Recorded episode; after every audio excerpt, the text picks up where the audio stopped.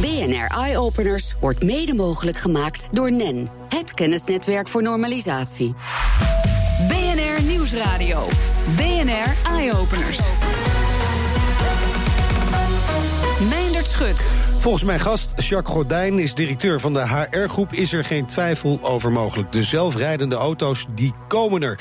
Hij neemt daarom samen met de gemeente Rijswijk het voortouw... door een half jaar lang te kijken wat deze ontwikkeling gaat betekenen... voor de infrastructuur van de stad. Techniek, veiligheid, maar vooral ook de reacties van de mede-weggebruikers. Alles wordt in kaart gebracht. Welkom, Jacques Gordijn. Goedemiddag, Meindert. Goed dat je er bent. Uh, ja, even de kritiekpunten op zelfrijdende auto. We zijn er nog niet klaar voor. Het is nog niet veilig genoeg. Het zal zo'n vaart niet lopen. Het heeft nog vele jaren nodig voordat we daaraan toe zijn. De meeste mensen verwachten toch dat die zelfrijdende auto op korte termijn niet echt een feit is. Maar jij denkt daar echt anders over, hè? Ja, absoluut. Er zijn heel veel grote investeerders, vooral vanuit Amerika, die er druk mee bezig zijn. En uh, ja, het grote geld zit erachter, dus dan komt het er ook. En Nederland leent zich namelijk heel erg goed qua infrastructuur om dat te gaan doen. Waarom? Wij zijn de meest compacte mobiliteit van de wereld. We leven van de logistiek. We zitten natuurlijk aan de zee en hebben een heel groot achterland. En uh, wij zijn ook innovatief en durven wel wat aan. En de politiek heeft zich er ook achter geschaard. Want Melanie Schultz Verhagen die heeft een wet er doorheen gekregen. dat wij hier mogen testen. We zijn het eerste land ter wereld op dat gebied. Ja, maar uh, dan gaat het bijvoorbeeld om een stuk snelweg. Nou weet iedereen dat snelwegrijden in principe het makkelijkste is wat er bestaat. Ook voor de zelfrijdende auto, dus ook voor de computer. Hè, want het is in feite gewoon een rechtstuk met drie banen. Je hebt niet zo heel veel uh, uh, varianten, variabelen op de weg. maar in een stad waar voetgangers zijn, fietsers en weet ik veel wat er allemaal nog kan gebeuren. Er kunnen honden oversteken, ballen over straat komen. Dat wordt een stuk ingewikkelder. Ja, maar er komen een paar dingen bij elkaar, denk ik. De mens is van nature een beetje lui.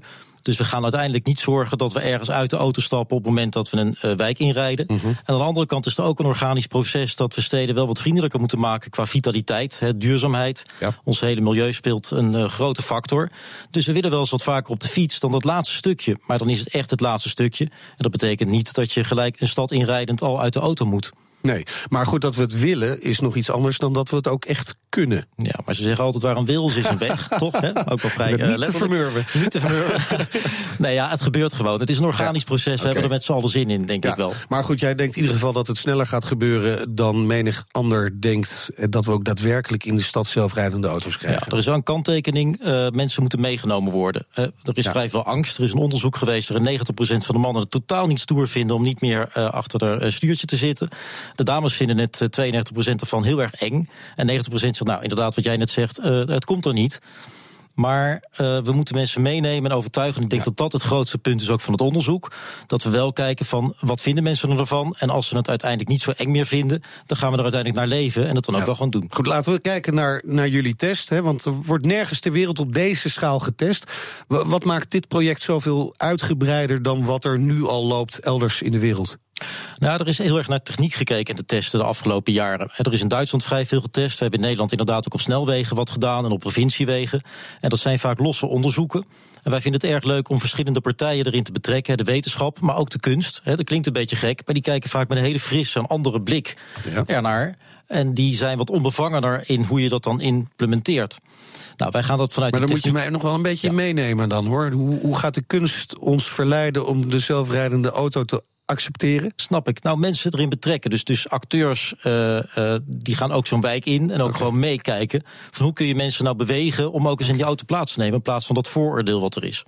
Nou is er uh, op dit moment in San Francisco ook een test gaande met Uber-taxis.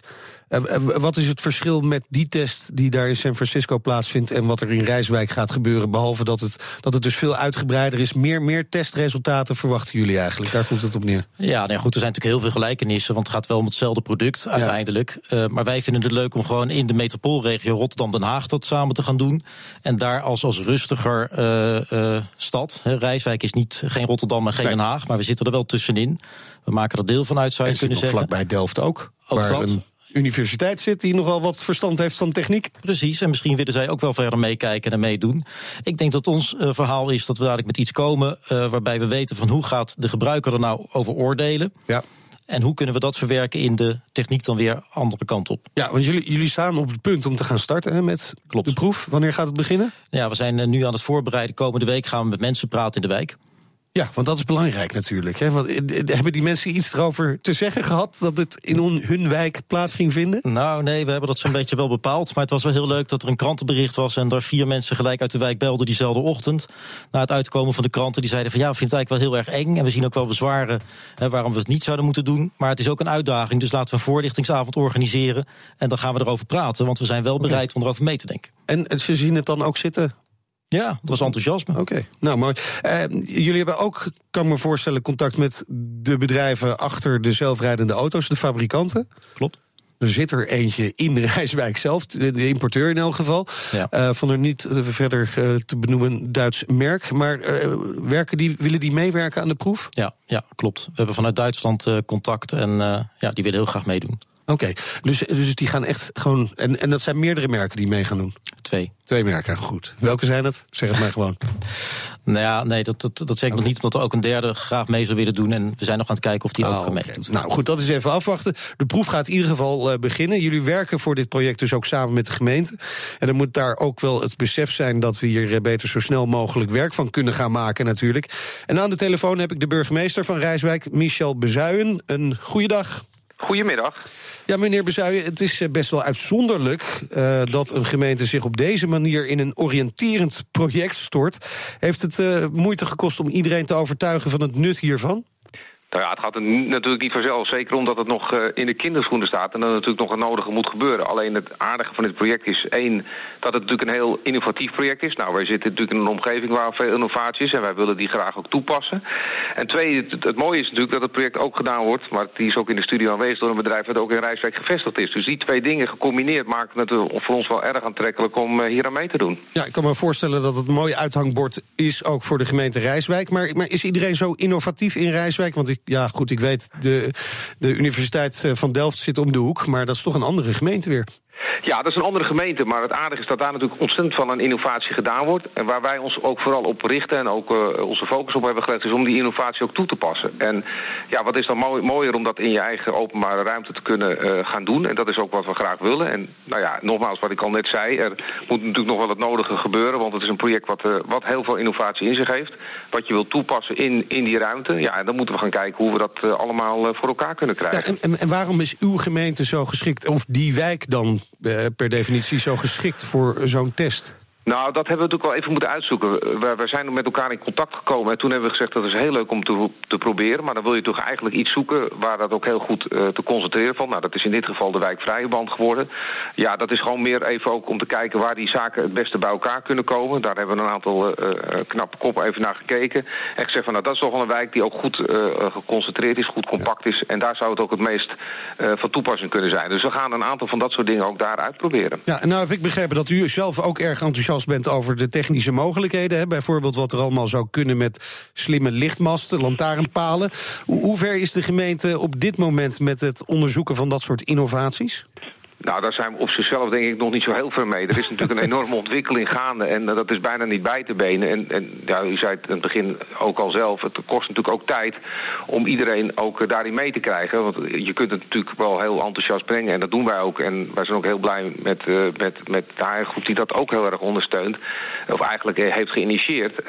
Maar dat betekent wel dat je daar ook met elkaar mee aan de slag moet. Ja, en hoe dat precies gaat, dat is het aardige van dit project ook. Is dat je dat van tevoren niet allemaal 100% weet. En dat we daar ook met elkaar naar op zoek moeten hoe je dat eh, in de praktijk vorm kan geven. Nee, ik, ik, begrijp dat u niet van tevoren precies weet waar het naartoe gaat, maar u heeft vast wel ongeveer een idee waar uh, het naartoe zou moeten gaan, toch?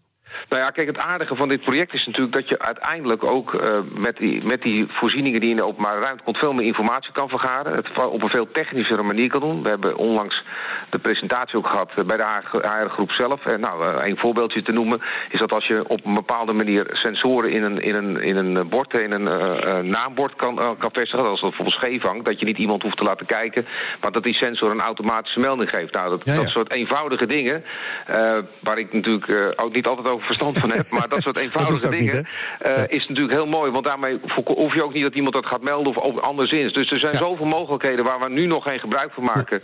Maar waar overigens volgens mij is ook in de studio Jacques nog veel meer over kan vertellen dan ik.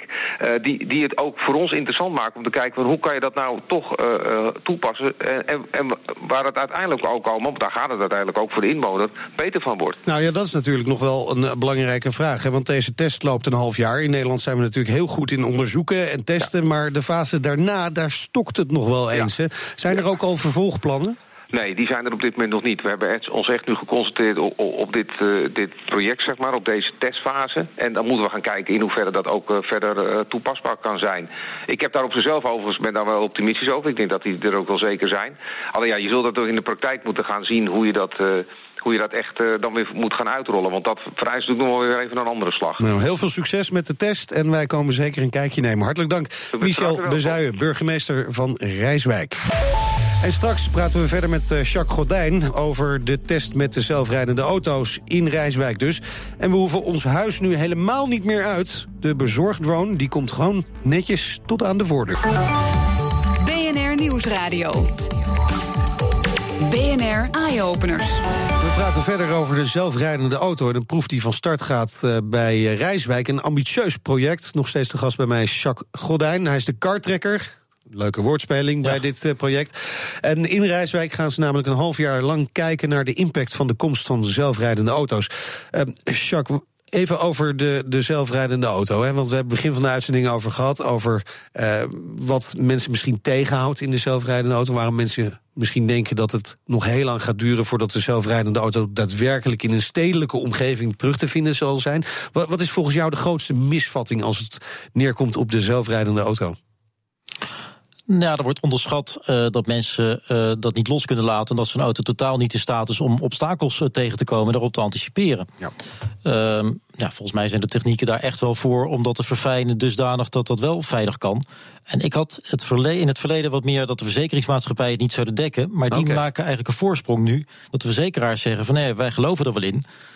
dus nee, laat maar komen. wij zien dat model wel. En ja, ik weet het niet. Die auto's die, die hebben een bepaalde uh, verfijning. Ja. Die wij misschien als mens niet eens in staat zijn nee. uh, te simuleren. Maar toch even naar de verfijning van het menselijk brein. Hè. Wij zien iemand uh, s'avonds laat uit de kroeg lopen. en dan kunnen wij ons voorstellen, nou, die zou wel eens een slokje op kunnen hebben. Die is onvoorspelbaar. De vraag is natuurlijk of de computer dat straks ook kan. Die verfijning kan vinden.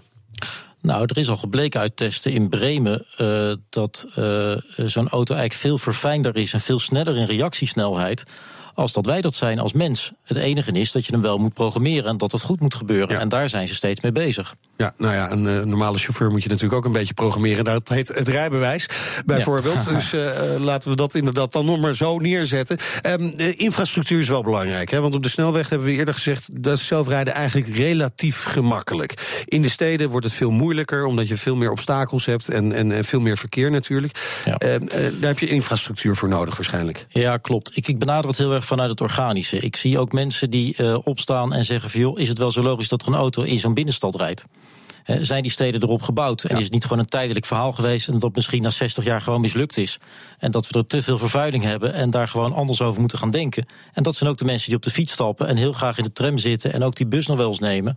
en de trein zeker niet uitsluiten. En dat maakt het ook wel dynamischer. En je brengt mensen ook wat meer in contact ja. met elkaar. Ja, dus dat is, dat is een van de onderdelen van het project. Maar ik kan me voorstellen dat jullie ook... en we hoorden net de burgemeester... die ook heel erg enthousiast wordt van moderne techniek...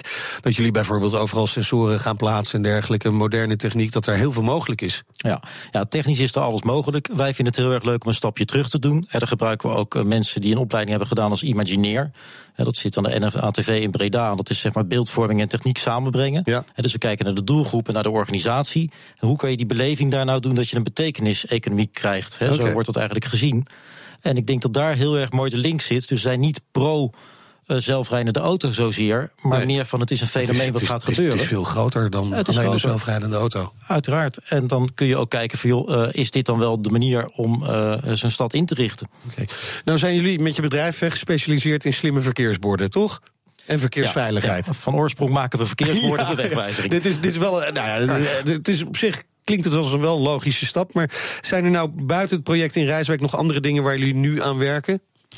Ja, er wordt heel erg gekeken om, om zaken autonoom te krijgen. dus dat is ook uh, solar uh, energie. Uh, dus dat bijvoorbeeld de lichtwegwijzers die buiten hangen, van vroeger de ANWB. Ja. En nu vanuit het ministerie. nou, goed, daar kijken we heel sterk naar. Is er een ontwikkeling te maken om dat wat, wat makkelijker te krijgen in het openbare deel van, de, van onze leefruimte?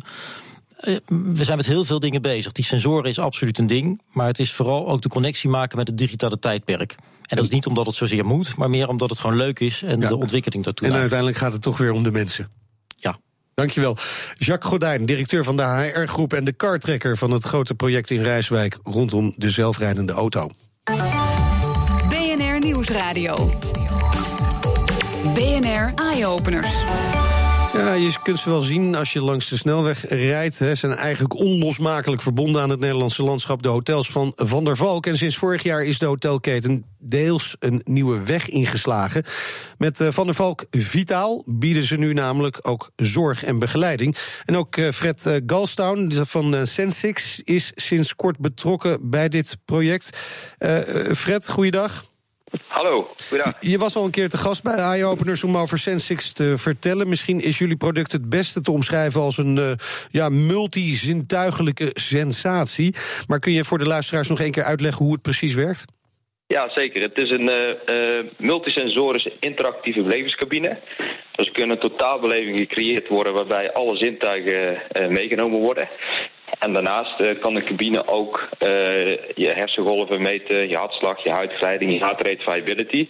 Zodat je ook uh, kunt zien ja, hoe de respons is zeg maar, op, de, op de experience. Ja, nou, ja, het klinkt echt als een experience, zoals je al zegt. Het klinkt echt als iets wat je op een techbeurs verwacht. Maar misschien niet direct in een zorginstelling van Van der Valk. Waarom, waarom past dit toch goed? ja, het idee is ook toevallig ook ontstaan in eerste instantie uit een burn-out van mezelf. Oké. Uh, ja, vervolgens zijn we het gaan bouwen en uh, dat is, ja, de afgelopen jaren hebben we dat uh, gedaan en zijn we gelanceerd in december vorig jaar. En toen hebben we eigenlijk heel veel uh, respons gehad uit de, uit de medische wereld. Omdat het schijnbaar heel veel ja, toepassingen had op het gebied van traumaverwerking, psychotherapie, dementie, zintuigactivatie. ja, mensen ook gewoon de, ja, beter, zichzelf beter laten voelen. Uh, dus ja, daar zijn we wel heel blij mee. Uh, ja. Maar is wel meer toeval dan wijsheid in eerste instantie. Okay. Maar gaan jullie dan nu ook uh, veel meer richten op die, die gezondheidssector? Of, of gaan jullie ook nog altijd in die belevings- en entertainment-richting op? Ja, wij willen ons wel blijven focussen op, uh, op belevingen. Dus we zijn in eerste instantie in de basis een belevingsplatform. En uh, wij bieden eigenlijk de, de mogelijkheid aan derden om uh, ja, ons platform en onze pod te gebruiken voor uh, multisensorische experiences, waar ook mee audiovisuele, audiovisuele content multisensorisch verrijkt kan worden. En dat kan zowel ingezet worden in de health, maar ook in de entertainment. We hebben ook, werken ook samen met VR-contentbouwers bijvoorbeeld, die, die, die, die ja, hun, hun belevingen ja, meer sensorisch willen maken. Nou, in ieder geval nu dus ook bij de Van der Valk uh, Vitaal Gezondheidscentra te vinden. Dankjewel Fred Galstown van uh, Sensix. En dan is het uh, nu tijd voor de beste technieuwtjes uit het buitenland. Daarvoor hebben we zoals elke week aan de lijn natuurlijk hoofdredacteur van Numbers.nl, Elger van der Wel. Elger, welkom. Goedemiddag. We moeten het natuurlijk heel even hebben, Elger, over die raket van SpaceX. Hè. Voor wie het gemist heeft, ja. het bedrijf heeft geschiedenis geschreven door een raket daadwerkelijk te recyclen. Heel tof, natuurlijk. Maar hoe gaat het ons nu uh, verder helpen, Elger? Nou als je kijkt naar de ruimtevaart, dan is er eigenlijk één probleem. Als jij een raket de ruimte instuurt, dan gooi je die eigenlijk letterlijk weg. Ja. En zo'n ding kost tientallen tot honderd miljoen. En je moet je voorstellen dat, je, dat jij naar New York vliegt en dat ze daarna het vliegtuig weggooien bij KLM. Uh, dat, dat, dan is het niet meer te betalen. Dus uh, zodra raketten hergebruikt kunnen worden, wordt, wordt ruimtevaart een, een, een stuk betaalbaarder commercieel interessanter. Um, ook zeker eventueel met het oog op echt ruimtetoerisme natuurlijk. Um, maar dat moet het wel eens mogelijk worden. Nou, SpaceX had al raketten laten landen. Alleen de nieuwe stap die ze nu hebben genomen is om eigenlijk zo'n gelande raket, die dus echt al, uh, geloof ik, een jaar geleden geland is, om die weer opnieuw de ruimte in te sturen. En uh, daar hebben ze ook opnieuw laten landen. Dus Kijk. de hergebruikte raket gaat nu weer voor een tweede keer worden hergebruikt uh, over een tijdje. En zo gaat dat door en door en door. Als het goed is, Ja. eh, dan. Vij- 50 keer maximaal. Oh, 50 keer maximaal. Dan moeten ze hem toch Verwachten echt eh, eh, Ja. ja, naar de schoothoop brengen. Dan gaan we naar eh, bezorgdrones. Er wordt natuurlijk druk mee getest. Misschien binnenkort ook wel in Rijswijk, wie weet. We hebben al eh, verschillende varianten daarvan voorbij zien komen. Maar eh, Advanced Tactics heeft nu een functie toegevoegd aan hun ontwerp... waardoor we nu echt niet eens meer de deur uit hoeven. Ja, dit is best wel slim. Ze hebben uh, een drone gemaakt die ook kan rijden als een soort uh, autonoom karretje. Um, die kan dus uh, landen op zijn landingsgestel en dan lekker doorrijden om ook een stuk van zijn route gewoon over de weg af te leggen. Um, hij is er ook al echt, hij bestaat al. Hij mag in Amerika ook worden gebruikt zonder extra aanvraag, omdat het een, een zogenaamde kleine drone is. Um, en daarmee zijn ze verder dan veel andere bedrijven. Alleen dan kan maar een paar minuten in de lucht blijven en nog niet heel veel vracht vervoeren. Dus dat is wel een klein detail waar ze aan moeten werken. Maar wel interessant dat er dit soort initiatieven zijn. Ja, nou, in ieder geval dat, die paar minuten, dat is echt te weinig waarschijnlijk. Ja. Hey, we hebben het al eerder over gehad. De nieuwe virtuele assistent van Samsung, de Bixby. Uh, nu officieel ook gelanceerd. Hè. Hoe uh, gaat Bixby uh, Siri van Apple en Google's Alexa verslaan? Ja, dat, dat wordt wel een interessante strijd natuurlijk. Uh, zoveelste spraakassistent die er is. Uh, Samsung focust zich heel erg dat het echt uh, in alle apps werkt. En dat je daarmee apps kan besturen. Ja. Nou, ze wel wachten op ontwikkelaars die er ook mee aan de slag gaan. Maar ze hebben ook wat andere slimme functies toegevoegd. En een van die dingen vind ik best wel cool. Je kan met, uh, met de camera van je telefoon via Bixby kun je voorwerpen scannen. Zie je bijvoorbeeld iemand die een vet paar schoenen heeft, dan scan je die schoenen. Dan als het goed is, worden die herkend door Bixby. En kun je vervolgens met één druk op de knop door naar bijvoorbeeld in Amerika een webwinkel als uh, Amazon om die schoenen ook te kopen. Bye, en dat bye, kan bye. al wel. In, ja, dat kan al in, in apps natuurlijk, maar nu wordt dat gewoon onderdeel van je telefoon. Uh, gerucht gaan dat Apple ook met dit soort technologie bezig is. En dat is wel een beetje de next thing, dat je gewoon alles kan gaan scannen in de wereld om je heen ook meteen natuurlijk kan kopen. Het wordt zo makkelijk allemaal. Ja. Eh, als we het daar dan toch over hebben, waar gaat het eigenlijk heen in de strijd om uh, de digitale koploper? Hè? Wie is er aan het winnen als we kijken naar besturingssystemen? Ja, dit is wel interessant. Um, uh, uh, volgens StatCounter, wat, wat, wat cijfers buiten van heel veel internetwebsites, is op dit moment het meest gebruikte besturingssysteem op internet niet langer Windows, maar Android. Oh. Mobiel wint letterlijk van de desktop. Um, uh, het gaat echt om, om, om, om nu 37,91% tegen 37,93%. Dus het is een minimaal verschil. Um, maar het is wel super interessant. Vooral als je kijkt naar de cijfers. Want in Europa zit nog meer, van, meer dan de helft van de mensen op Windows. Mensen zitten gewoon op een desktopcomputer op hun werk internetten. Ja. Maar in Azië gebeurt eigenlijk alles online. Daar is meer dan 50% is Android. Omdat juist in India en dat soort landen mensen helemaal geen computer meer hebben. En al die extra mensen die online komen, zitten op Android. We gaan allemaal mobiel. Dankjewel, Elger. Meer innovaties met impact eh, vind je op bnr.nl slash eyeopeners. Op Twitter vind je ons via BNR Innovatie. En de hele uitzending kun je terugluisteren als podcast via iTunes en Spotify. Je hoort ons in de toekomst. Doei. BNR Eye Openers wordt mede mogelijk gemaakt door NEN, het kennisnetwerk voor normalisatie.